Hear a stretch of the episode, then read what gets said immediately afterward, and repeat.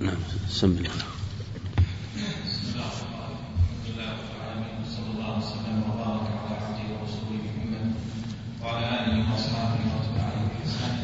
اللهم صل وسلم.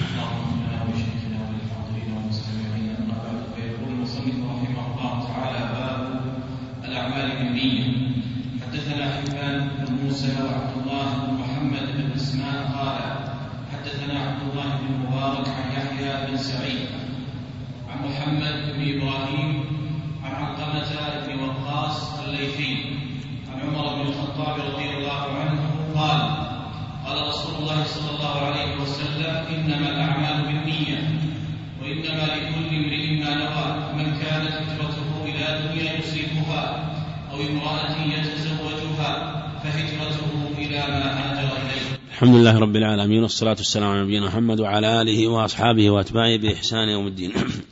مصنف رحمه الله يقول باب الأعمال بالنية. صدر هذا الباب لما انتهى من الأحاديث المتعلقة في أمر السنة وكذلك أيضا ما يتعلق بأمر الدين في حديث عمر الخطاب رضي الله عنه في قصة جبرائيل عليه الصلاة والسلام. فأورد أخبار تتعلق بالأحكام وصدرها بحديث النيات حديث عمر الخطاب رضي الله عنه. هذا إشارة منه رحمه الله إلى أن ما يأتي من الأحاديث التي في هذا في هذه الأبواب مما تشترط فيه النية في باب العبادات في باب العبادات وأن كل عمل من الأعمال لا بد له من النية. أما النية فيما يتعلق بالتوحيد والعقيدة هذا لا يصح الإيمان إلا به لكن في باب العبادات والوضوء صدر بالوضوء معنى أنه لا بد من النية وأن هذه الأعمال لا نميز العادة منها من العبادة إلا بالقصد إليها. قال باب الأعمال بالنية. يعني قول باب الأعمال بالنية هذا يظهر هذا نقدر فيه العموم. يعني في جميع الأعمال ما نقول مثلا أعمال العبادات أو مثلا أعمال العادات أو المباحات نقول جميع الأعمال بالنية. باب الأعمال وهذا من المصنف رحمه الله كأنه إشارة إلى عموم الأعمال.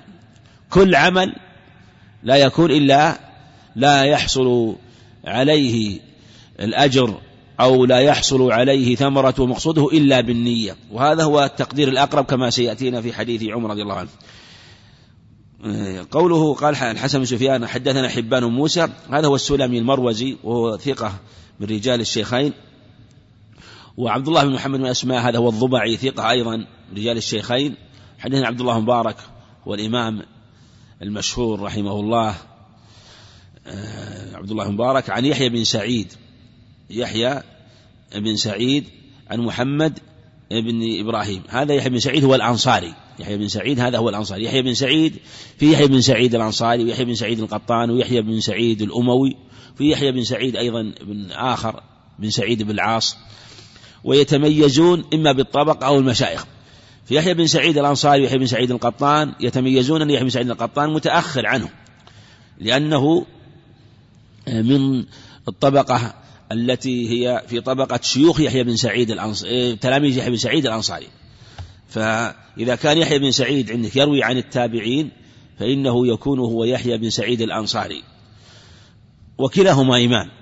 عن محمد بن إبراهيم. هذا هو بالحارث التيمي وثيقة عن علقة وقاص والليثي ثقة من رجال الجماعة. عن عمر الخطاب رضي الله عنه. هذا الحديث اشتهر بهذا السند. رواية يحيى بن سعيد عن محمد بن إبراهيم. عن علقة وقاص. عن عمر الخطاب. ويسمونه غريب. لأنه لم يعرف له إسناد صحيح إلا من هذا الطريق. هو اشتهر عن يحيى بن سعيد رواه أمم.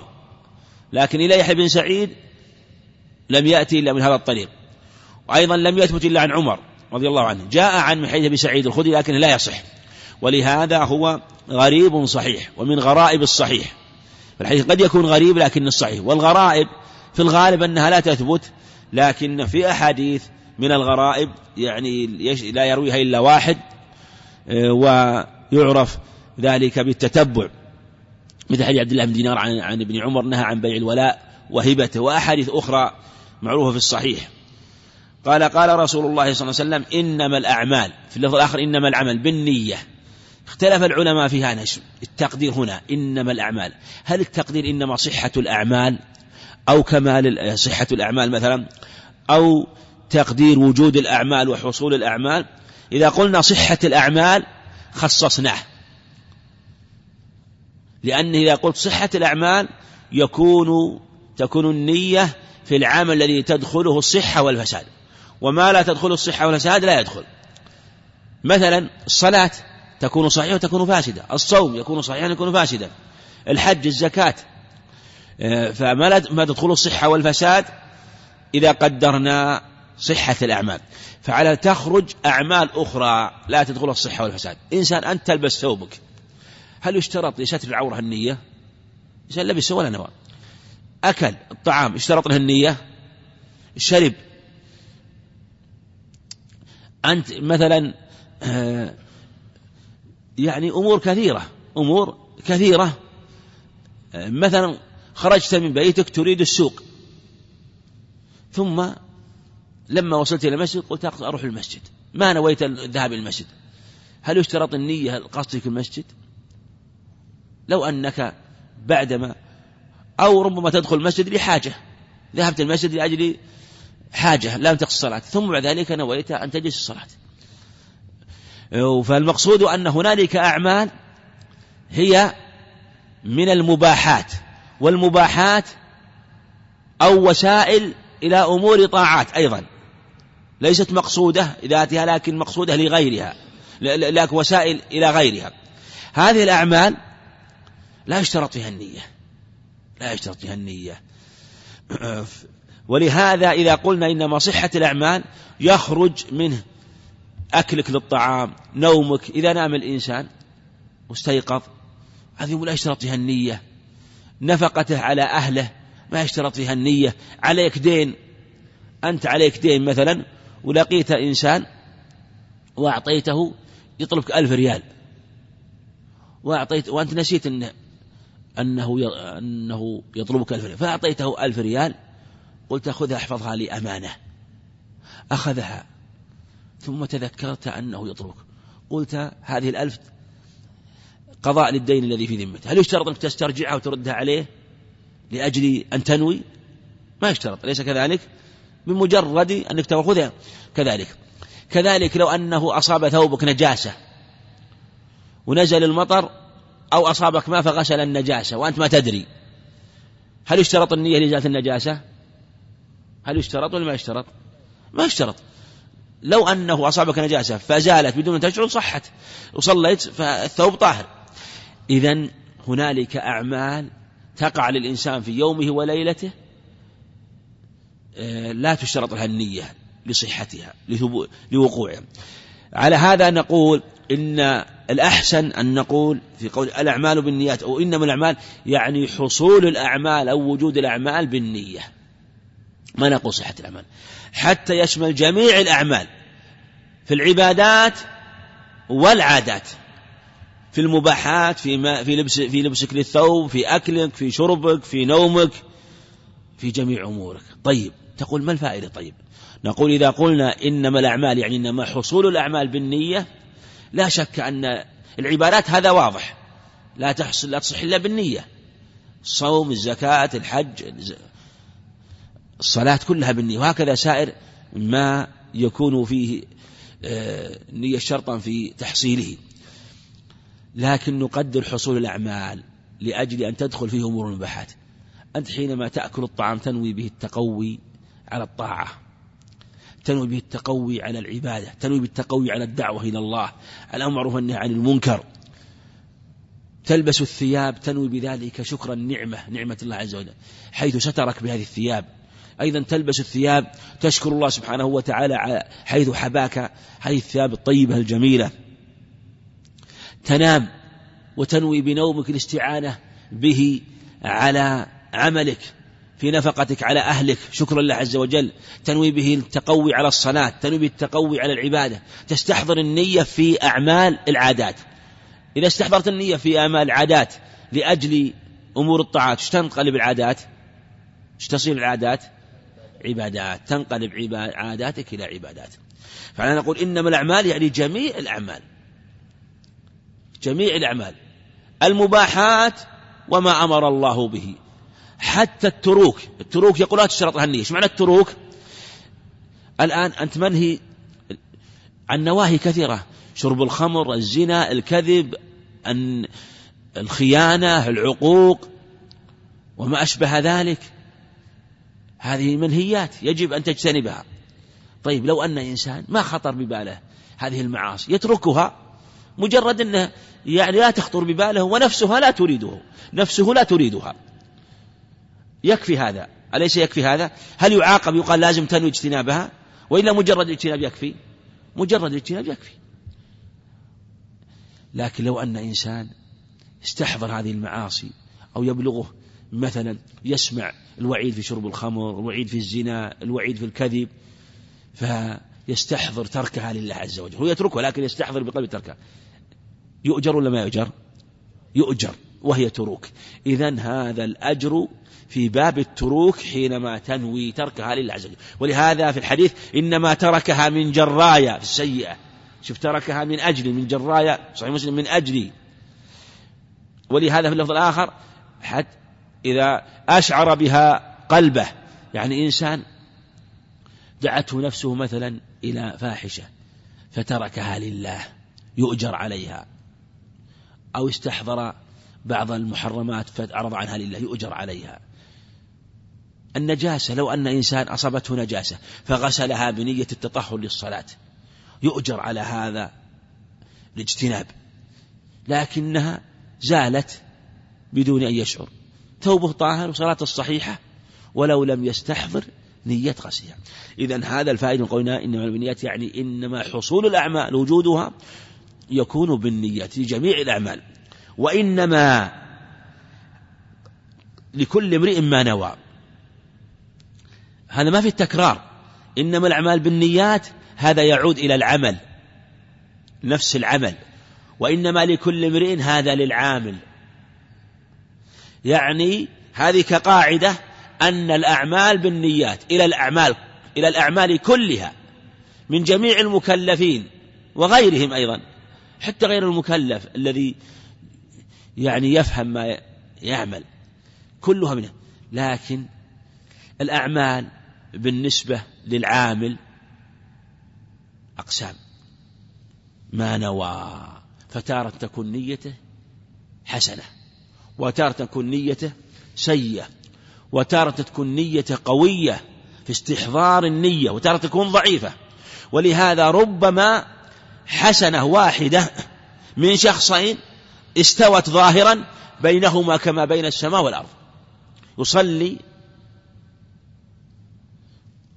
الشخصان الرجلان المرأتان صلاة واحدة. كلاهما نيته لله لكن هذا نيته يصلي كأنه يعبد الله كأنه يراه. وهذا يسرح في كل وادي يسرح في كل وادي. يعني أنه آه، لم يستحضر الذي يصلي وكأن يصلي بين يدي الله عز وجل وكأن الله بينه وبين القبلة فرق بينه وبين إنسان متماوت في صلاته. والناس بينهما وسط في هذا. إذن قد تكون نية فاسدة قد تكون ضعيفة جدا قد تكون ضعيفة قد تكون قوية وتكون قوية جدا. إذا إنما لكل امرئ ما نوى بحسب نيته. إن كانت صحيحة فلها درجات. إن كانت فاسدة فلها درجات. ولذا لو أن إنسان رأى إنسان ينفق في أبواب الخير فقال يا ليت لي مثل ما لفلان فأعمل مثل ما عمل. شوف نية صادقة. يكتب الله له أجره بنية الصادقة. قال النبي عليه الصلاة والسلام فهو بنيته فهما في الأجر سواء. فهما في الأجر سواء. لأنه نوى الخير لكن هل يساويه من كل وجه؟ أو في أصل النية لا في المضاعفة هذا موضع خلاف وإن كان ظاهر النصوص أن يساويه من كل وجه.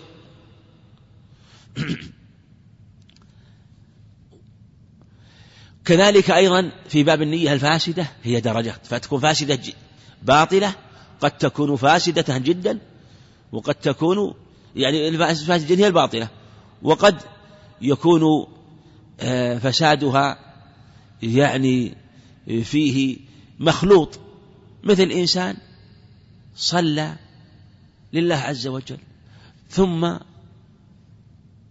دخل إنسان فأطال صلاته مراءاة عرض له ثم بعد ذلك ما دام مع هذا الخاطر. نية فاسدة هي لكنه حاربها بإيمانه حتى زالت. هذه النية الفاسدة. فهذه الصحيح أنها لا تفسد العمل لكنها تضعفه. بخلاف إنسان دخل في نيته فلم يشبها شيء. ويدخل فيك أيضا يدخل في قسم ثالث من النيات وهي ما إذا اختلطت النية الصالحة بما طرأ عليها من نية مدخولة. فتارة تفسدها وهي ما إذا استمرت مع النية الفاسدة حتى فرغ من صلاة. وتارة يدافعها فالصحيح أنه إذا دافعها فإن صلاة الصحيحة ولا تبطل. لكن استمرت مع النية الفاسدة فإنه فالله خير شريك. من عمل أشرك معي في غيري فهو الذي أشرك. عند ابن ماجه تركته وشركه. فالله خير شريك سبحانه وتعالى. في اللفظ الآخر حديث فضالة فإن جدة عمله صغيرة وكبيرة ليس ليس لله منه شيء سبحانه وتعالى. فمن كانت هجرته إلى دنيا يصيب. والهجرة تشمل هجرة الكبرى الهجرة من دار الكفر إلى دار الإسلام. ويليها الهجرة من دار البدعة إلى دار السنة. يليها الهجرة من دار المعصية إلى دار الطاعة. ويليها الهجرة من دار الكفر إلى دار الكفر. ما يصير هذا؟ من دار الكفر إلى دار الكفر. في هجرة من دار الكفر إلى دار الكفر ما فيه نعم. ما صفتها؟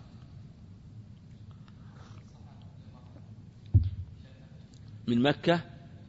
هاجروا من دار كفر إلى دار كفر. ماذا قال النبي عليه فإنه ملك لا يظلم عنده أحد.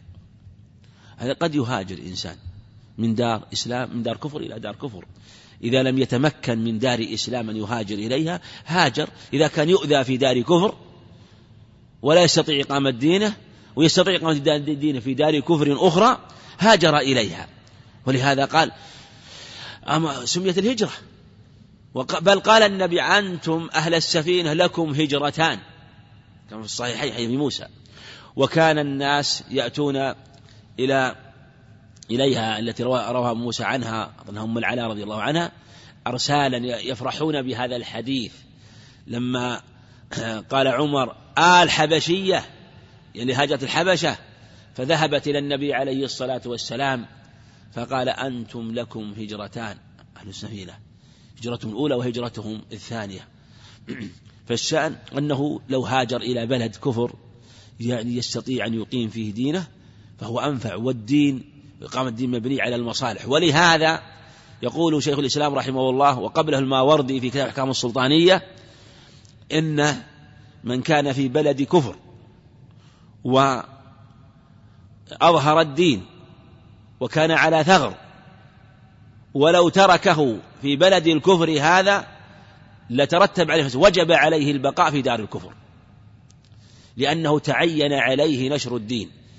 بقاؤه في دار الكفر أوجبوا وألزموا عليه من رجوعه إلى دار الإسلام ما دام أن المصلحة ظاهرة في وجوده.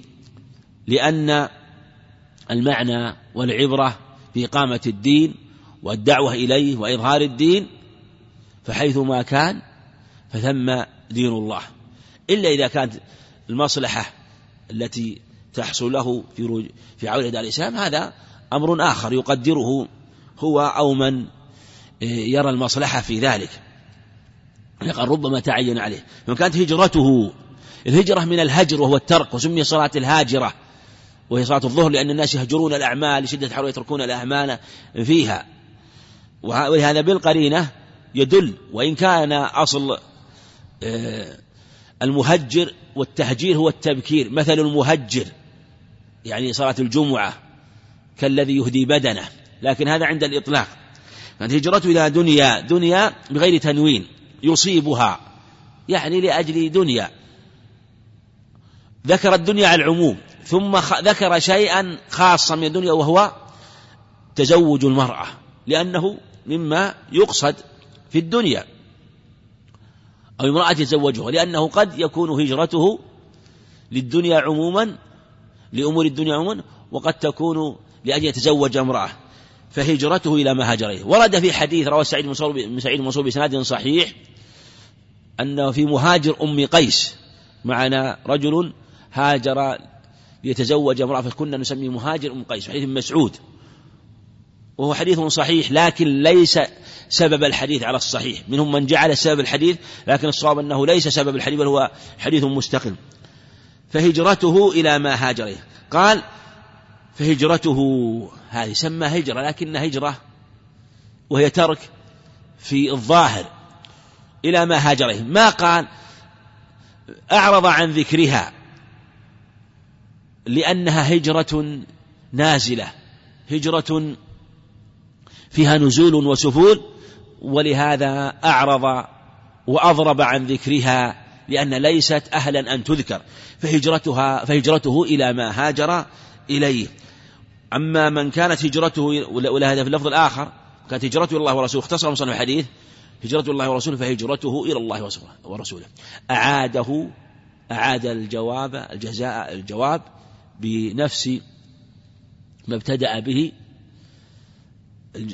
لتفخيم للأمر فهجرته إلى الله ورسوله تفخيم الأمر وتعظيم الأمر قال فهجرته إلى الله ورسوله. أما هنا فأعرض وأضرب عن هذه الهجرة لأنها كما تقدم هجرة بمعنى الترك فتشبه بالمهاجرين وهو لو هاجر لو خرج إنسان ليتزوج هو لا بأس به.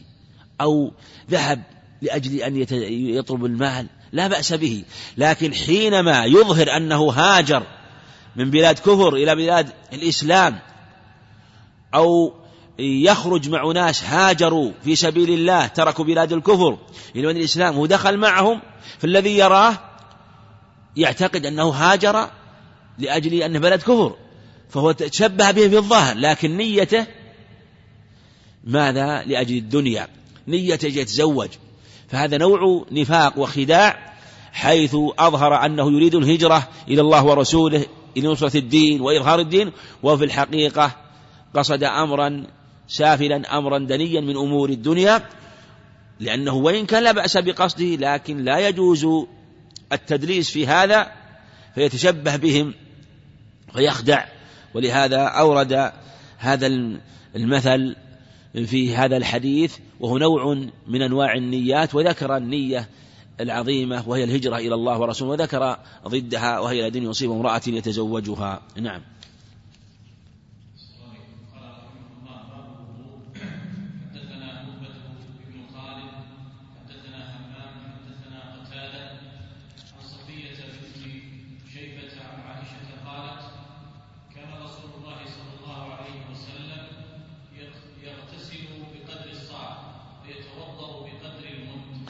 نعم وهذا الحديث رواه أحمد آه، من طريق قتادة لكن صرح عند أحمد عن صفية فيكون إسناده صحيح. وهذا الإسلام طريق قتادة لكنه ثابت كما تقدم. والحديث ثابت في صحيح مسلم من حديث السفينة أنه عليه الصلاة والسلام كان يتوضأ بالمد ويغتسل بالصاع. وكذلك من حديث أنس رضي الله عنه صحيح. مسلم كان يتوضأ بمكوك ويغتسل بخمسة مكاكيك. المكوك هنا مراد به المد. هذا هو الظاهر المراد به المد. وجاء في هذا المعنى أخبار. ثبت في الصحيحين من حديث عائشة رضي الله عنها قالت كنت أغتسل أنا ورسول الله صلى الله عليه وسلم من إناء يقال له الفرق. يسع ثلاثة آصع ستة عشر رطل. وهذا هو المنقول في الأخبار. وجاء أنه عليه الصلاة والسلام توضأ بثلثي مد. وجاء قدر آخر لكن أقل ما نقل يتوضأ عليه الصلاة والسلام في الأخبار الصحيحة بمد وتوضأ واغتسل بالصاع إلى خمسة أمداد بالصاع إلى خمسة أمداد كما تقدم. وهذا هو القدر المشروع لمن أراد الاقتصار والاقتصاد. وهذا يمكن حينما يأخذ الماء ويدلك فإنه يدرك آه، أعضاءه فإنه يأتي هذا القدر. لكن مع عدم مراعاة الوضوء والعناية فإنه لا يكفي مثل هذا القدر. كان يغتسل بقدر الصاع ويتوضأ بقدر المد عليه الصلاة والسلام. في اللفظ الآخر إلى خمسة أمداد. يعني أقصى ما يصل إلى خمسة أمداد. يعني صاع وربع صاع. حديث عائشة من أن يقال له الفرق. وظاهره يخالف ما في الرواية الأخرى أن تغتسل بالصاع. فإذا كان يغتسل بالصاع فالظاهر يعني أنه أنه له ولعائشة صاعان. وهذا فرق ثلاثة آصع. فيحتمل والله أعلم أنه ربما زاد عليه الصلاة والسلام. وقد يقال أنه ليس في الحديث أنه ممتلئ إنما أخبرت أنه يسع ثلاثة آصع. وليس في الحديث أنه ممتلئ وأنه وأيضا كذلك ليس في الحديث أنه اغتسل بجميع الماء فإما أن يكون ممتلئ ولم يغتسل بجميع الماء مثلا أو يكون غير ممتلئ في الأصل بقدر الصاعين أو يكون بقدر الصاعين وزيادة إلى خمسة أمداد فيكون بقدر الصاعين والنصف. ويمكن أيضا يكون في بعض الأحوال خاصة إذا كان مع أهله عليه الصلاة والسلام آه، فربما اغتسل بهذا القدر. وجاء في الوضوء أنه اقتصر بأقل من ذلك بثلثي مد. وهو حديث فيما يظهر أنه لا بأس به من حديث أم عمارة. وهذا القدر آه، جاء في بعض الألفاظ ما هو أقل لكنه لم يثبت بنصف المد. والأكثر من أحواله أنه كان يغتسل بقدر المد عليه الصلاة والسلام. وهذا في الرجل المعتدل كما نبه عليه العز بعد السلام. أما إذا كان الإنسان بدنه كبير فنبه أنه قال قد يحتاج إلى أكثر من الصاع. وكان عليه ربعة من الرجال آه، ليس بالطويل البائن ولا بالقصير المتردد عليه الصلاة والسلام.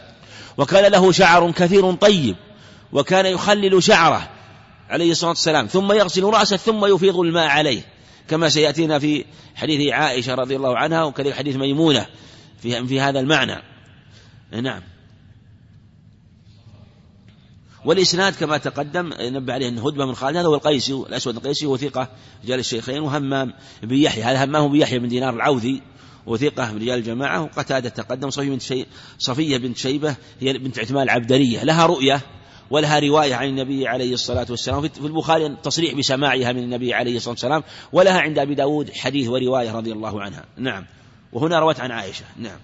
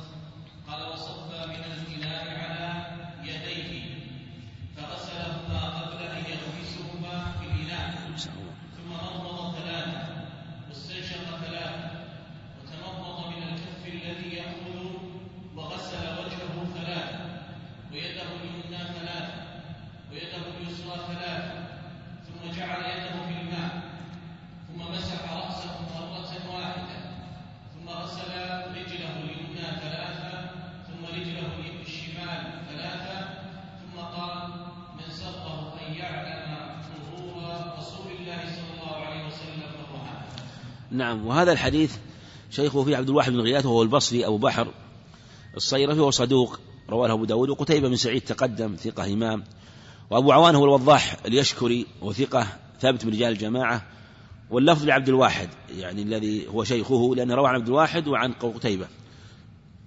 عن خالد بن علقمة هذا هو الوادعي صدوق أبو حية وهو لا بأس به خالد بن علقمة.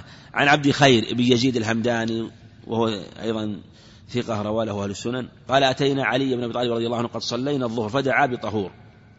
يعني ما وفي هذا دلالة على أن يشرع للإمام والوالي ومن آه، ونحوه من أهل العلم أن يبين للناس السنة. ولهذا آه، توضأ يبين. عليه رضي الله عنه. كذلك عثمان كان يبين السنة وتوضأ للناس وبين رضي الله عنه كما ثبت في الحديث الصحيح عنه في الصحيحين. وهكذا أهل العلم. فهذا حتى يبين بالفعل لأن البيان بالفعل أثبت من جهة ثبات الفعل. حينما يرى الإنسان فلان يفعل الشيء هذا فمعرفته له وضبطه له أبلغ من سماعه. لو سمع قال أن النبي عليه والسلام حينما توضأ صنع كذا وصنع كذا قد لا يضبط لكن حينما يراه في الارتباط فيجتمع له حاستان من جهة يجتمع له من من جهة آه، مع حاسة البصر حاسة التخيل والضبط من هذه الجهة فهي أبلغ من هذه الجهة. لكن السماع أبلغ من جهة أنه أقوى من جهة الثبوت من جهة الثبوت. ولهذا الأحاديث القولية أبلغ من جهة ثبوتها ولهذا هي أقوى من جهة دلالتها وأيضا من جهة ما يعترض في باب الترجيح. تكون الأحاديث القولية أرجح من الأحاديث الفعلية. قلنا ما يصنع بالطهور؟ وقد صلى قد صلى ولم يتوضأ. وفي هذا دلالة على أن لا بأس أن يعيد الإنسان الوضوء ولو كان على وضوء ولو كان يريد الصلاة إذا كان يريد أن يعلم غيره. ما يريد إلا ليعلمنا.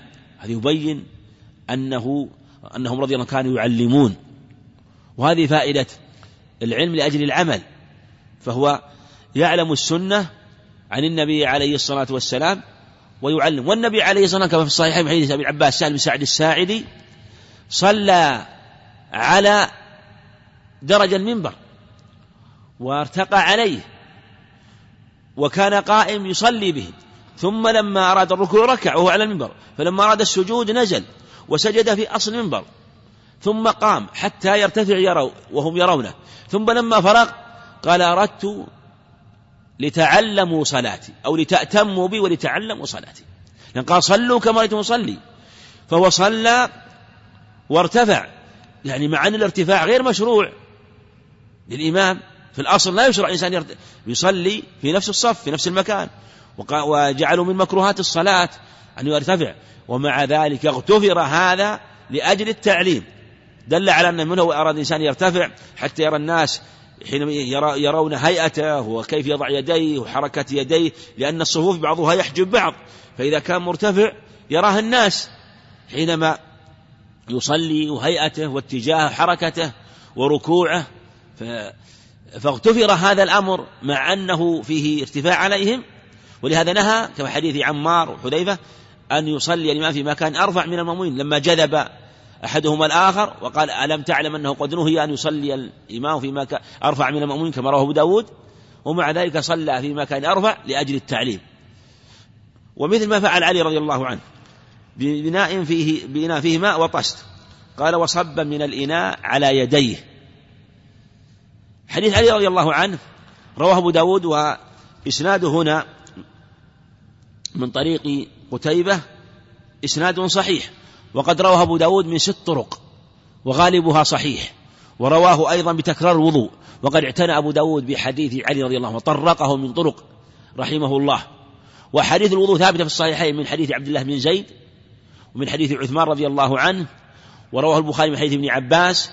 وأيضا رواها أبو داود من حديث عمرو بن شعيب وحديث المقدام معدي كريم ومن حديث جاء أيضا من حديث أبي هريرة. وجاء من أحاديث كثيرة في هذا الباب و آه، كلها في صفة وضوء عليه الصلاة والسلام وحديث متواترة فغسل يديه ثلاثا وهذا ثابت في الصحيحين من حديث عثمان من حديث علي من حديث عبد الله بن زيد أيضا أنه غسلهما ثلاثا في حديث أوس بن أوس أيضا في سنن داود استوكف ثلاثا عليه الصلاة والسلام قبل أن يغمسهما في الإناء وغسل اليد مشروع عند الوضوء مشروع سواء كنت استيقظت من النوم أو لم تستيقظ ولو لم تستيقظ. والإنسان إذا أراد الوضوء تارة يكون مستيقظا وتارة يكون نائما. تارة والنوم يكون من نوم الليل وتارة يكون من نوم النهار. وإن كان مستيقظ تارة تكون نظيفة وتارة تكون قذرة وتارة تكون نجسة. فإن كانت نجسة فعلى كل الأحوال يجب على كل الأحوال يجب غسلها. وإن كانت طاهرة وفيها أذى فيتأكد غسلها. وإن كان ليس فيها أذى فيشرع. أيضا لأنه غسل يدين لعبادة فإن كان مستيقظا من النوم فإن كان نوم ليل فهو متأكد وقيل بوجوبه. لأنه عليه الصلاة والسلام قال إذا استيقظ أحدكم فلا يغمس يده في النوم في, الإناء حتى يغسلها ثلاثا من نوم الليل. فلا في اللفظ الآخر من نوم الليل. وفي حديث عند الترمذي وإن كان من نوم النهار فهو على الصحيح أيضا كذلك. لا فرق بين نوم النهار ونوم الليل على الصحيح. لأنه آه، ما جاء بذكر البيتوتة من نوم الليل لأنه على الغالب أن الإنسان يستيقظ من نوم الليل ونومه في الليل يكون أطول. ولأنه علل بعلة فإنه لا يدري أين باتت يده. والإنسان يستيقظ من نوم الليل ومن نوم النهار فإنه لا يدري أين باتت يده. في في فيغسلها فيغسل يديه ثلاثا. ثم الغسل يكون بأن يريق يعني أنه يضع الماء في يده ثم يغسل بها الأخرى يغسل بها الأخرى. فغسلهما قبل أن يغمسهما قبل أن يغمسها في الإناء قبل أن يغمسها في الإناء. ثم مضمض ثلاثا واستنشق ثلاثا وتمضمض الكف الذي يأخذ. نعم. ثم مضمض ثلاثا. مضمض وهذا ثبت في الصحيحين من حديث عبد الله بن زيد في حديث عبد بن شعيب وفي حديث أيضا ربيع بنت معوذ أيضا. ثبت عند أبي داود أيضا في صفة وضوء عليه الصلاة والسلام. في حديث عثمان مضمض واستنشق واستنثر ولم يذكر عدد. إنما ذكر عدد حديث عبد الله بن زيد. وتمضمض من الكف الذي يأخذ منه. يعني أنه تمضمض بكفه الأيمن عليه الصلاة والسلام واستنشق واستنثر بشماله كما في الرواية الأخرى. ويكون ثلاثا والصحيح أنه بثلاث غرفات. الواجب مرة واحدة يحصل فيها إزالة الأذى. والمستحب ثلاث مرات بغرفة واحدة فيضع بعضها للفم وبعض وبعضها للأنف. ولا يفصل على الصحيح. حديث الفصل ضعيف لرواه أبو داود فإنه لا يثبت. وغسل وجهه ثلاثا. وهي ثابت في حديث عبد الله بن زيد وثابت في حديث عثمان رضي الله عنه في سائر الأحاديث. ثم تقدم أن المبالغة في الاستنشاق واجبة وبالغ في الاستنشاق إلا أن تكون صائما.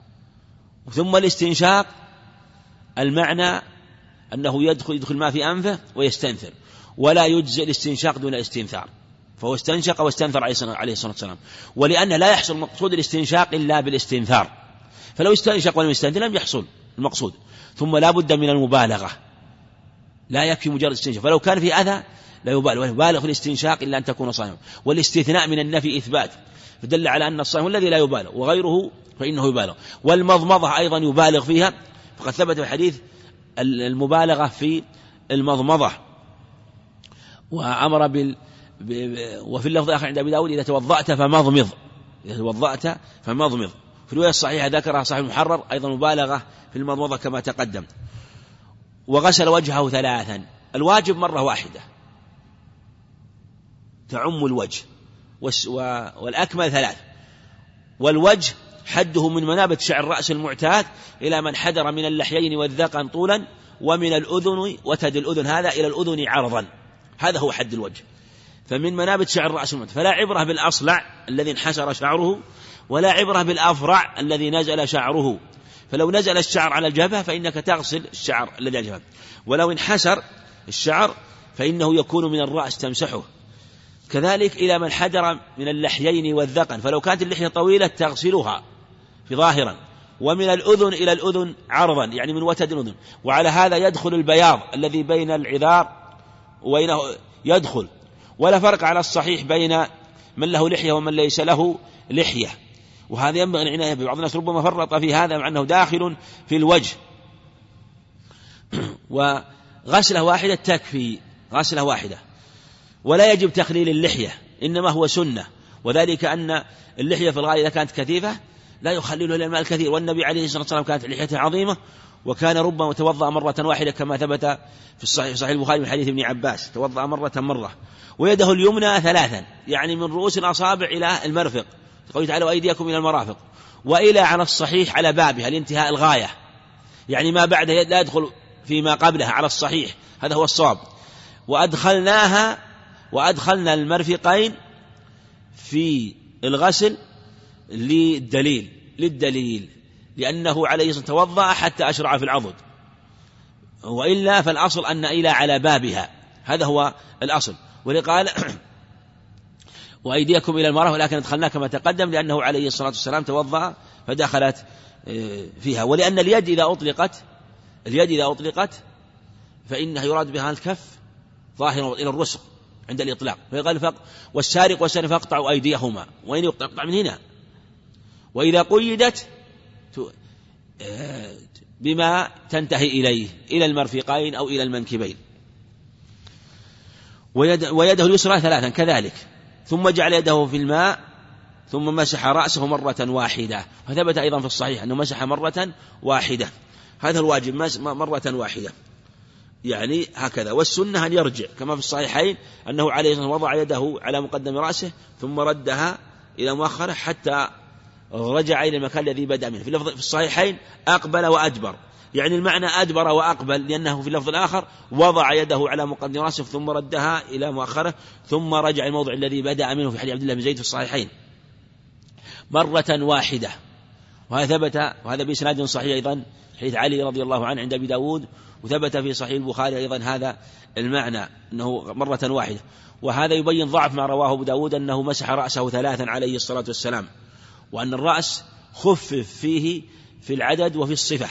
ولو مسح الثلاثا لأشبه المغسول ثم لو مسح الرأس هكذا أجزأ ما حاجة ترجع. لكن هذا أفضل أنك تمسح ثم ترجع خاصة إذا كان لك شعر لأن المسح يكون في الأولى لظاهر الشعر وفي الرجوع لباطن الشعر. في حديث الربيع بنت بنت معوذ مسح رأسه مرتين. وهذا محمول على إقباله وإدباره وإقباله عليه الصلاة والسلام. لا أنه مسحه مرتين مستقلتين. جمعا بين الأخبار وإلا فما في الصحيح أصح. ثم غسل رجله اليمنى وغسل اليدين ثلاثا ثبت في الصحيحين من حديث عثمان. وحديث عبد الله بن زيد مرتين. وفي صحيح مسلم رواية واسع بن حبان عن عبد الله بن زيد أنه غسله ثلاثا غسله ثلاثا. وحديث عثمان في المضمضة والاستنشاق لم يكرره لكن جاء عند أبي داود من طريقين أنه كرر المضمضة والاستنشاق. فهذا هو المحفوظ فالمحفوظ فيه عدم التكرار. لكنه ثابت في الأخبار تكرار المضمضة والاستنشاق ولهذا يؤخذ التكرار من مجموع الأخبار. وفي بعض الأخبار جاء التكرار في جميع صفة في جميع وضوء عليه الصلاة والسلام كما في حديث آه، علي رضي الله عنه وفي أحاديث أخرى عند أبي داود. ثم رجله الشمال ثلاثا. تكرار غسل الرجلين ثلاثا ثبت في الصحيح حديث عثمان رضي الله عنه. وفي حديث عبد الله بن زيد أطلق. والقدمان يشرع المبالغة فيها لأنها تصيب الأرض. وأيضا فيها الأخمص ينبو عن الأرض. وفيه العقب. والنبي عليه الصلاة والسلام قال ويل للأعقاب من النار. الصحيحين من حديث أبي هريرة وفي صحيح مسلم من حديث عائشة وحديث أبي هريرة وحديث عبد الله بن عمرو في حديث عبد الله بن جز عند أحمد ويل للأعقاب وبطون الأقدام من النار. أيضا لأن بطون الأقدام مرتفعة وقد لا يصيبها فيعتني به. ثم رجله الشمال ثلاثا. الواجب مرة واحدة تأتي على جميع القدم والثلاث هو الأكمل. ثم قال من شره يعلم طهور رسول الله. يقال طهور طهور. رسول الله رسول الله صلى الله عليه وسلم فهو هذا. ولا شك أن كل مؤمن يحب ذلك. نعم أخبرنا.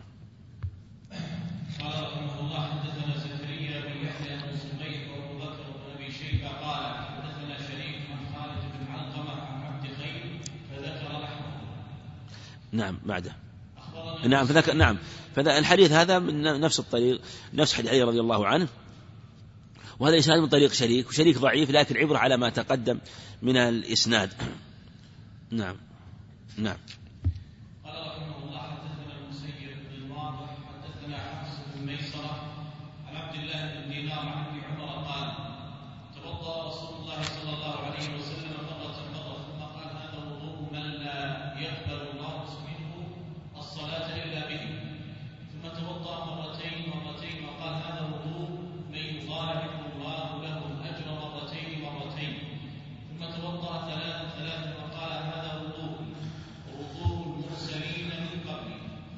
نعم بعده.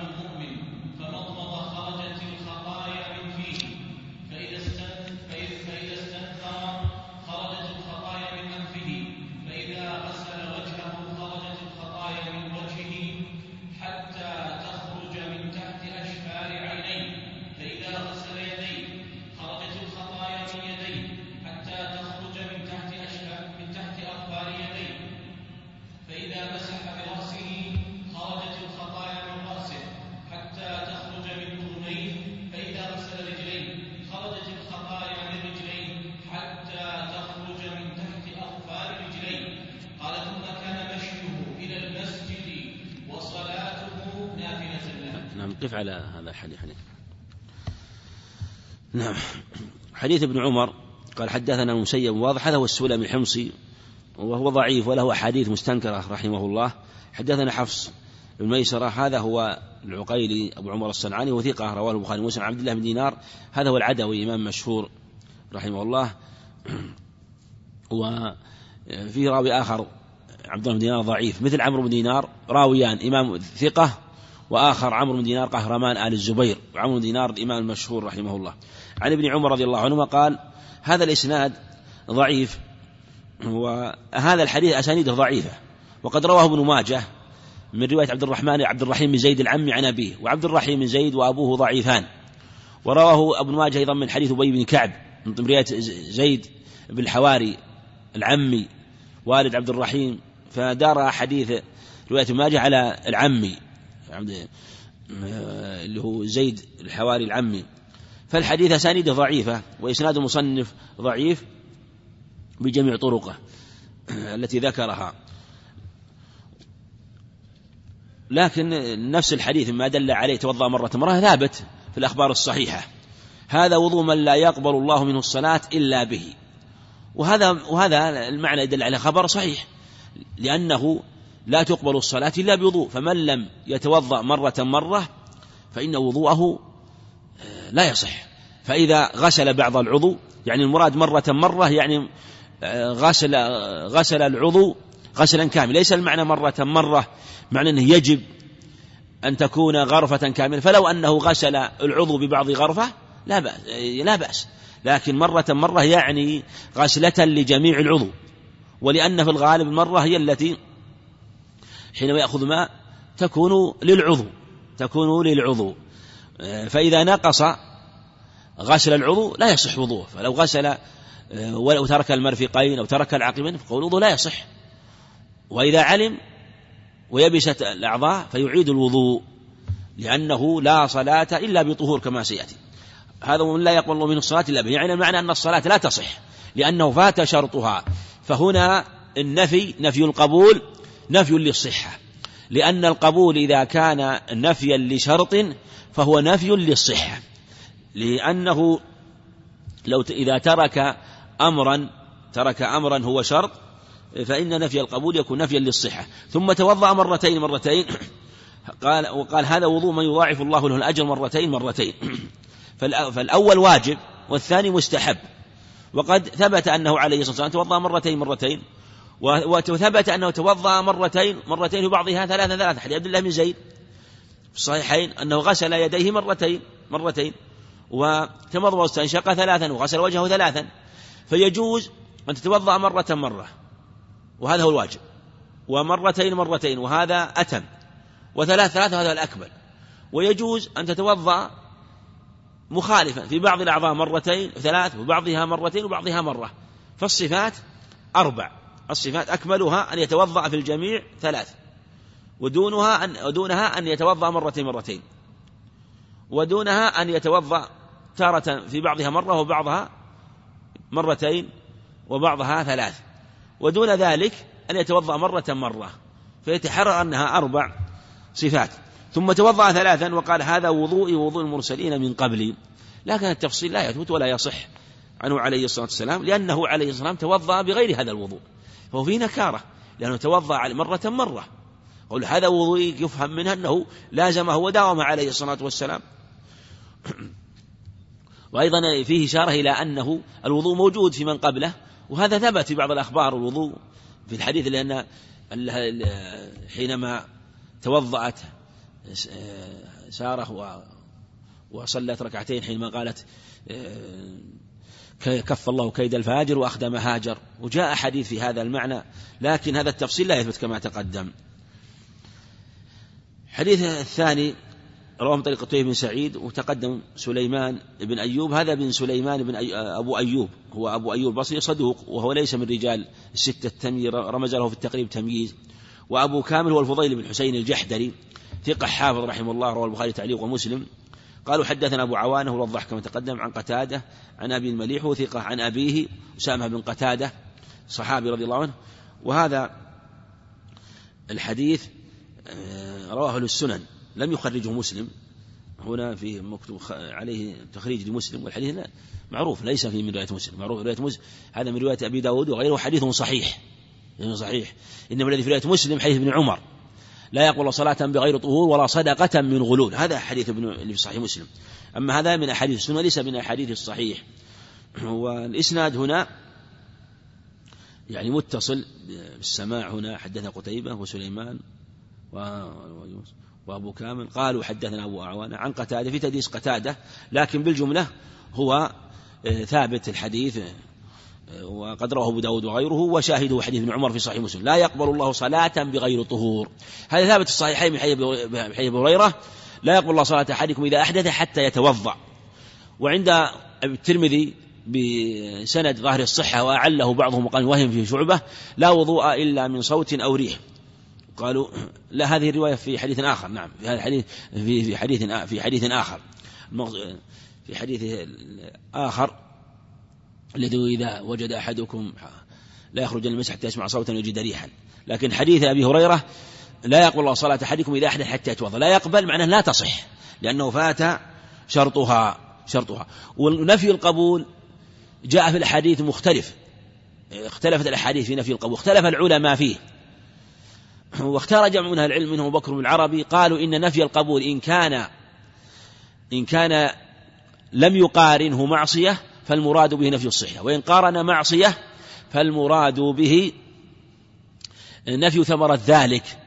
نفي ثمرة ذلك ويكون صحيحا لكنه لا ثواب له. فالنفي للثواب. فقوله مثلا لا يقول الصلاة آه، حائض إلا بخمار. مثلا لا يقول صلاة أحدكم إذا أحدث حتى يتوضأ. الحدث ليس بمعصية ليس كذلك ليس بمعصية. لكنه نقول إذا أحدث الإنسان تصلي نقول يجب عليك أن تتوضأ فإن لم يتو... ولا تصح الصلاة إلا بوضوء فنفي القبول يكون للصحة آه، لأن الحدث ليس بمعصية لكن إن كان نفي القبول مقارن لمعصية فإن المراد به نفي الثواب والإجزاء محاصل مثل آه، من أتى عرافا لم تقبل صلاة أربعين صباحا. إذا أبق المملوك لم تقبل له صلاة حتى يرجع. وما جاء في هذا المعنى يعني نفي القبول. قالوا إنها تجزئ صلاته لو صلى الآبق وتصح آه، لكنه لا ثواب له. إلا ما جاء عن جرير رحمه الله أنه يعني آه، يرى أنه بهذا يحل دمه يحل دمه. نعم. لا يقبل صلاة بغير طهور كما تقدم. لأنه شرط لصحة الصلاة. ولا صدقة ولا صدقة من غلول. كما حديث ابن عمر. يعني من غل وتصدق فلا يقبل الله منه. بل يجب عليه التوبة ويجب عليه يردها.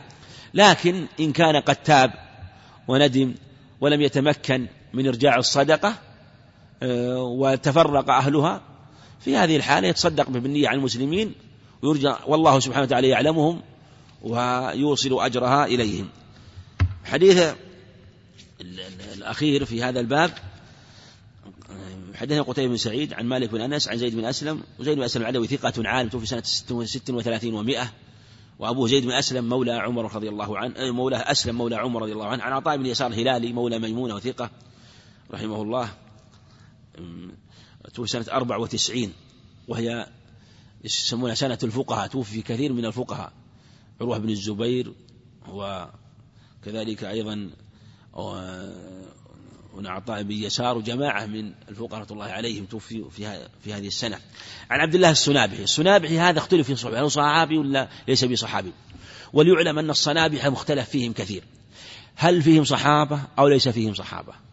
أو بعضهم صحابي بعضهم تابعي. وجاءت أسماء مختلفة. جاء عبد الله الصنابحي وجاء أبو عبد الله الصنابحي وجاء آه أيضا آه اللي هو الصنابح بالأعسر الصنابح بالأعسر صنابح بالأعسر أيضا. وجاء أيضا آخر أبو عبد الله أبو عبد الله الصنابح آه، والأظهر والله أعلم أن عبد الله الصنابحي أن عبد الله الصنابحي هذا آه، قيل إنه هو الصحابي وأثبت صحبته بمعين وجماعة من أهل العلم. وقيل إنه هو أبو عبد إن عبد الله الصنابحي هو أبو عبد الله. هو أبو عبد الله. الصنابح بن أعسر هذا آه، غيرهم. هذا غيرهم. ولم ينسب إلى الصنابح لكنه بالاسم لا بالكنية أو لا آه، بالاسم لا بلفظ القبيلة إلى الصنابحي إلى الصنابحي. وهذا صحابي الصنابح الأعسر. واختلف في أبو في أبي عبد الله وفي عبد الله الصنابحي وكذلك ثالث آخر آه، ليس بصحابي بل هو تابعي. ويدور الأمر على أبي عبد الله وعبد الله الصنابحي ظاهر هذا الحديث أنه صحابي. وجاء في الرواية أنه روى عن عبادة بن الصامت. عن عبادة الصامت. آه، وأثبت بعضهم صحبته. ونفاها بعضهم. وبالجملة لم يتحرر تحريرا بالغا. وهذا الحديث ثابت معناه في الأحاديث الصحيحة عن النبي عليه الصلاة والسلام. وإن كان وإن قيل إنه مرسل فإنه ثابت في الأحاديث الصحيحة من حديث عثمان رضي الله عنه معناه من حديث أبي هريرة في صحيح مسلم. وأن العبد إذا توضأ خرجت خطاياه من تحت أظفاره ومن يعني من تحت أظفاره وجاء في حديث أبي هريرة في صحيح مسلم ما تخرج مع الماء أو مع آخر قطر الماء حتى يخرج نقيا من الذنوب. فله شواهد وهذا الإسناد إلى عبد الله الصنابحي صحيح وقد رواه أحمد والنسائي فهو إليه إسناد صحيح وهو بشواهده إما أن يكون بنفس الصحيح إن كان صحابي أو يكون مرسلا صحيح مرسلا صحيحا بشواهده. وإذا توضأ العبد المؤمن فمضمض خرجت الخطايا من فيه فمضمض والمضمضة هو تحريك الماء في الفم ويقال مضمض النعاس عينيه إذا تحركتا للنوم. وهذا هو الصواب في المضمضة يضاف إلى ما تقدم في صلاة الوضوء أنه لا يكفي مجرد إدخال الماء في الفم بل لا بد من المضمضة. شو رأيكم لو أدخل الماء فابتلعه يجزئ ولا ما يجزئ؟ نعم ما يجزئ لأن لا بد من التحريك. فلما فما لم يحركها فلا يحصل فلا بد ولو أدنى تحريك. ولهذا قال أمر بالمبالغة والمبالغة لا تحصل إلا بالتحريك. ومنه مضمض النعاس عينيه إذا تحركتا للنوم.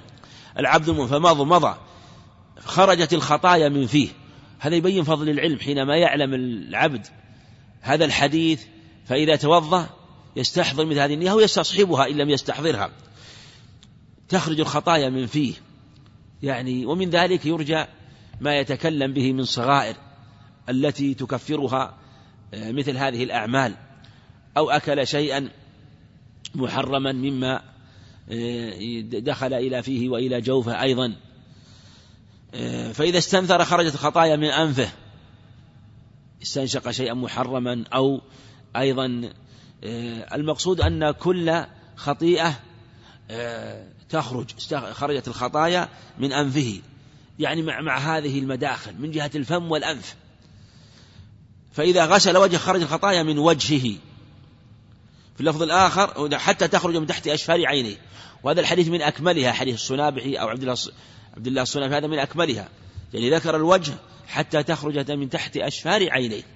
لفظ الآخر حديث هريرة في صحيح مسلم مع الماء أو مع آخر قطر الماء.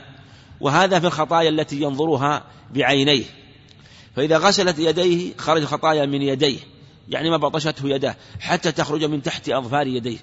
وهذا يبين أن الخطايا تلابس الإنسان وأنها تكون في تحت الأظفار وتكون أيضا في الأشفار.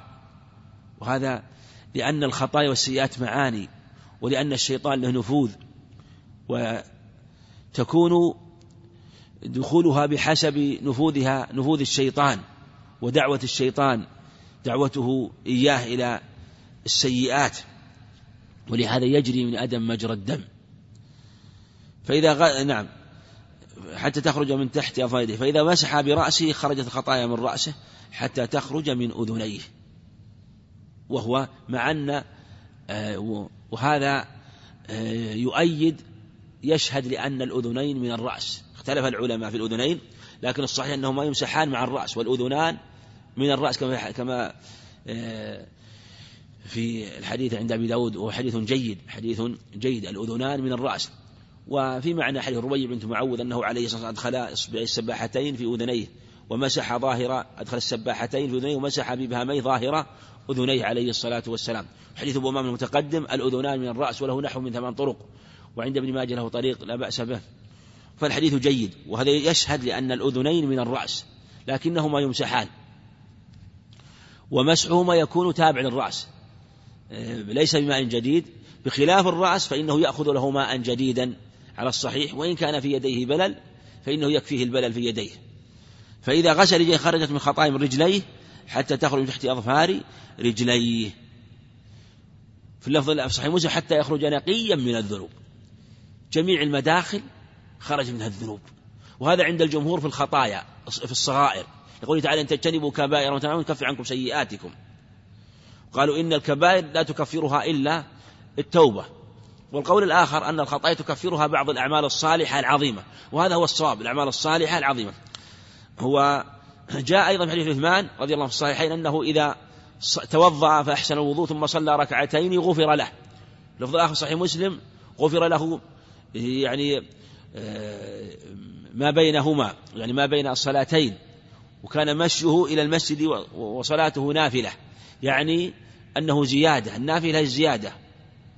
زيادة من العمل. أنه كفرت سيئاته بمجرد وضوءه ومشيه زيادة. يبين فضل الأعمال الصالحة في الوضوء. هذا شاهد للجمهور أن الوضوء لا بد له من نية لأنه جعله ماذا؟ عبادة. خلاف الأحناف الذين فرقوا بين التيمم والوضوء فاشترطوا للتيمم الذي لا يحصل إلا بالنية والوضوء قالوا يحصل بلا نية. والصواب أنه لا بد له من نية لعموم الأدلة إن أعمال بالنيات ولأنه عليه الصلاة والسلام جعل الوضوء عبادة وأنه يكفر الخطايا ومثل هذا لا بد له من النية كما تقدم. والله أعلم وصلى الله وسلم وبارك على نبينا محمد.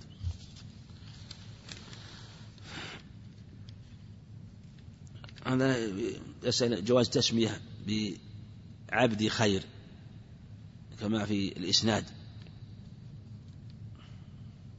نعم.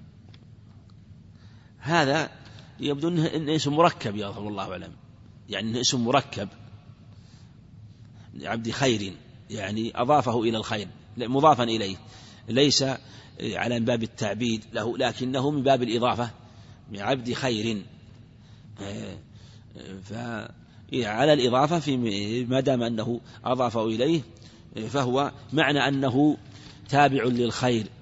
ومنقاد للخير وما أشبه ذلك ليس المراد فيما يظهر تعبيده آه، عبد الخير مثلا أو قال عبدي خير عبدي خير والإضافة مثل هذا تضعف التسمية به بإضافته. هل تصح نعم حديث أربعين من حفظ من حفظ أربعين حديثا لا تصح. من حديث تقدم أنه ضعيف جدا كما نبه عليه النووي رحمه الله. وإذا لا تصح لما ندرسه على هذا النحو؟ إحنا ندرس الأحاديث الصحيحة فيها. ليس معنى آه، إذا صار حديث ضعيف. لو أن إنسان جمع حديث مثل النووي رحمه الله جمع هذه الأحاديث وذكرها حديث لا ندرسها ندرسها. لو كانت حديث لو كانت حديث ضعيفة درسناها. لأن الحديث ضعيف ضعيف علم والحديث الصحيح علم. فأنت تدرسها لأن النبي قال بلغوا عني ولو آية. سواء بلغ أربعين حديث أو بلغ مئة حديث أو أقل أو أكثر. لكن بعض أهل العلم اختصر أربعين يعني من جهة أن الخبر إن ثبت يرجو أن يدخل في هذا الفضل. يدخل إن ثبت وإن لم يثبت فهو داخل في عموم الأدلة في إبلاغ الخير. وإذا تصح هل يشرح حفظ غيرها حيث حد المسلم حديث أربعين حديثا من اختيار يحفظها. مثل ما تقدم الأحاديث النووية مثلا أو الأربعين لشيخ الإسلام ابن تيمية أو الأربعين الطائية أربعين الأربعينيات كثيرة.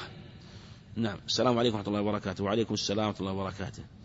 قل لو عدت قول لا يؤمن نفي الإيمان وما يلزم منه. مثل ما تقدم لا يؤمن نفي لأمر واجب.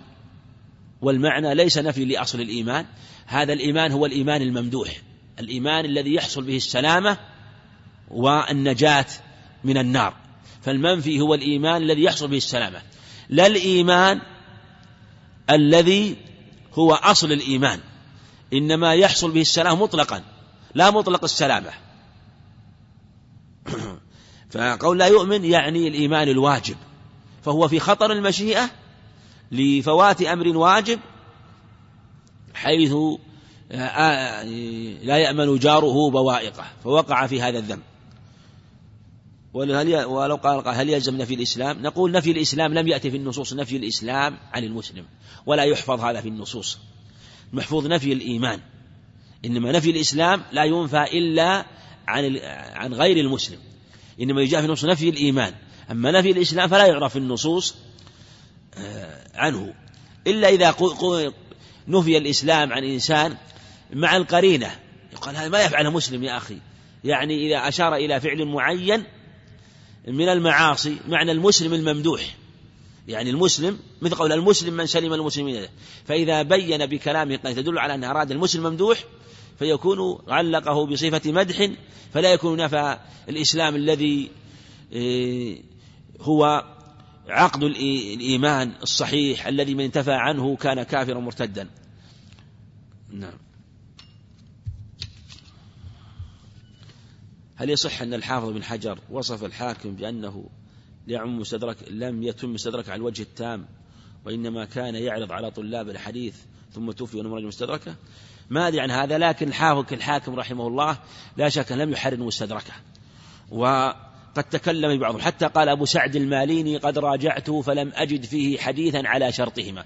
لكن هذا مبالغة منه رحمه الله وقد رد هذا عليه الذهبي وقال بل فيه نحو النصف. على شرطهما ونحو الربع على شرط غيرهما وفي الربع الأخير ضعاف وواهيات وفيه أحاديث مكذوبة وضعيفة في نحو المئة حديث. وهذا محتمل الإمام الذهبي إمام ناقد كبير رحمه الله آه، لكن تحرير هذا يحتاج كونه النص على شرطهما الله أعلم. لكن هو يظهر والله أعلم أنه ما قصد على شرطهما يعني على رجالهما إنما قصد بمثل شرط لأنه نبه في المقدمة بمثل رجالهما. لم يقل إنه خرج أحاديث برجالهما. ويدل عليه أنه رحمه الله في طبقة دونهما ويروي طبقة شيوخ رحمه الله آه، دون طبقة وشيوخ شيوخ دون طبقة آه، رجال الشيخين. إنما أراد بمثل رجالهما يعني. فعلى هذا آه، يضعف جانب النقد عليه من جهة أن الأسانيد يخرجها إذا كانت من رجال ثقات ولم يكونوا من رجال الصحيحين لكنهما لكنهم آه، في القوة قد يدانون ويقاربون رجال الشيخين. آه، ربما يكون في هذا القدر لكن فيها حديث واهية وفيها حديث منكر رحمه الله. ما الفرق بين الإيمان والدين؟ الإيمان جزء من الدين. الإيمان جزء من الدين. فالدين يشمل الإسلام والإيمان والإحسان. وإن الدين عند الإسلام. وفي حديث جبرائيل أتاكم يعلمكم دينكم. والأمانة والعهد الأمانة آه، العهد نوع من الأمانة. العهد نوع من الأمانة. لكن الأمانة أخص والعهد أعم من جهة أنه يشمل المعاهدات آه، الخاصة والمعاهدات العامة ويشمل العهد الذي يعاهد العبد عليه ربه في النذور وغيرها. وقد أيضا تعم الأمانة. إنا عرضنا على السماوات والأرض. فهي عامة أيضا. فإذا أطلقت بهذا المعنى شملت الدين كله لأنه لأنه يشمل على هذا كل ما افترض الله على عباده سبحانه وتعالى. فلها الإيمانة الأمانة والعهد. إطلاق من جهة المعنى من جهة الإطلاق والانفراد. ولها معنى من جهة التقييد والاقتران. فإذا اقترن الأمانة والعهد يكون لكل معنى خاص. وإذا افترقا قد يشمل أحدهما الآخر كما نقول في الإسلام والإيمان.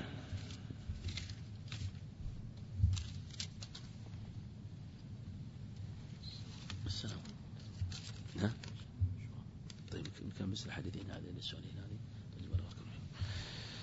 يقول هنا إنما أعمال بالنيات ولم يبدأ به كما بدأ به كثير من أهل العلم وللتأخير فإذا كأنه والله أعلم يعني أخره لأجل يجعله مفتتحا به باب العبادات من جهة أنه يبين أنها شرط في الأعمال وتلك علمت من جهة أنه أن أصل الإيمان النية فمن لا نية له في توحيده فلا إيمان له. هناك من يذكر كلمة مدلس عند غير طلبة العلم ويقول فلان مدلس وهو إمام في الحديث فهل من توجيه؟ طبعا ينبغي التنبؤ مثل هذا حينما تذكر إمام كبير مثلا من أئمة مثل الحسن البصري وقتادة وسفيان مثلا تقول مثلا في مجلس عام مثلا لا يعرفون مدلس فلان مدلس قد يسمع إنسان عامي أن يحسبك كذاب. يقول سمعنا فلان يقول إن فلان كذاب. وهو قال مدلس. فإذا لا يحدث ب لا يتكلم يعني بالعلم عند من لا يفهم. حدث الناس يعرفون. أتريد أن يكذب الله ورسوله كما قال علي رضي الله عنه. وقال ابن مسعود رضي الله عنه ما أنت محدث قوما بحديث لم تبلغه عقول الله كان فتن بعضهم قال ابن عباس وما يؤمنك إن حدثتك كفرت وكفرك به تكذيبك أو بها تكذيبك. قال ما فرقه ما فرقوا هؤلاء؟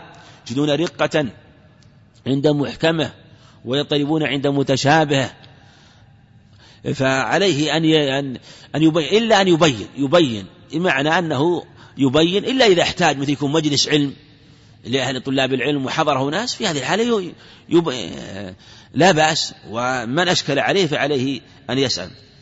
ما معنى ما قلت بعض الحديث؟ له شواهد. الشواهد تكون مثل حديث من رواية ابن عمر للشاهد من حديث يعني مع من حديث أبو هريرة حديث ابن عباس. الشاهد يكون عن صحابي آخر.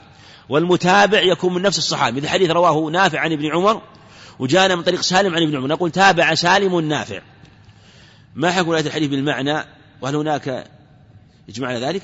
رواية الحديث بالمعنى يجوز لمن يعلم ما يحيل المعنى كما قال الحافظ رحمه الله. من علم ما يحيل المعنى جاز له ذلك. وهذا هو الثابت عن الصحابة رضي الله عنهم. ومن لم يعلم ما يحيل المعنى فلا يروي الحديث عن المعنى. لو هم رجل على فعل المعصية ثم صد ثم صد عنها من غير فعله. فهل تركه لها تعد عليه تعد عليه معصية وحسن أو حسن الحديث إذا هم أحدكم؟ إن كان تركها آه، خوفا أو رأى مثلا من يرقبه فتركها في هذه الحالة هو بين حالين. تارة يصر على المعصية. لا زالت المعصية قائمة في قلبه. فهذا آثم بإصراره. قال, عليه الصلاة والسلام إذا التقى المسلم بسيفهما القاتل المقتول في النار. قيل يا رسول الله هذا القاتل فما بال المقتول؟ قال كان حريصا على قتل صاحبه يعني باء بإثم المعصية مع أنه مقتول. يعني كان حريص على قتل صاحبه. فإذا كانت المعصية قائمة بقلبه فهو آثم. أما إذا صد عنها لخوف ثم بعد ذلك تركها لله فإن الحسن يمحو السيء. لأنها بمثابة التوبة. أسأله سبحانه وتعالى ولكم العلم النافع والعمل الصالح. والله أعلم. وصلى الله وسلم وبارك على نبينا محمد.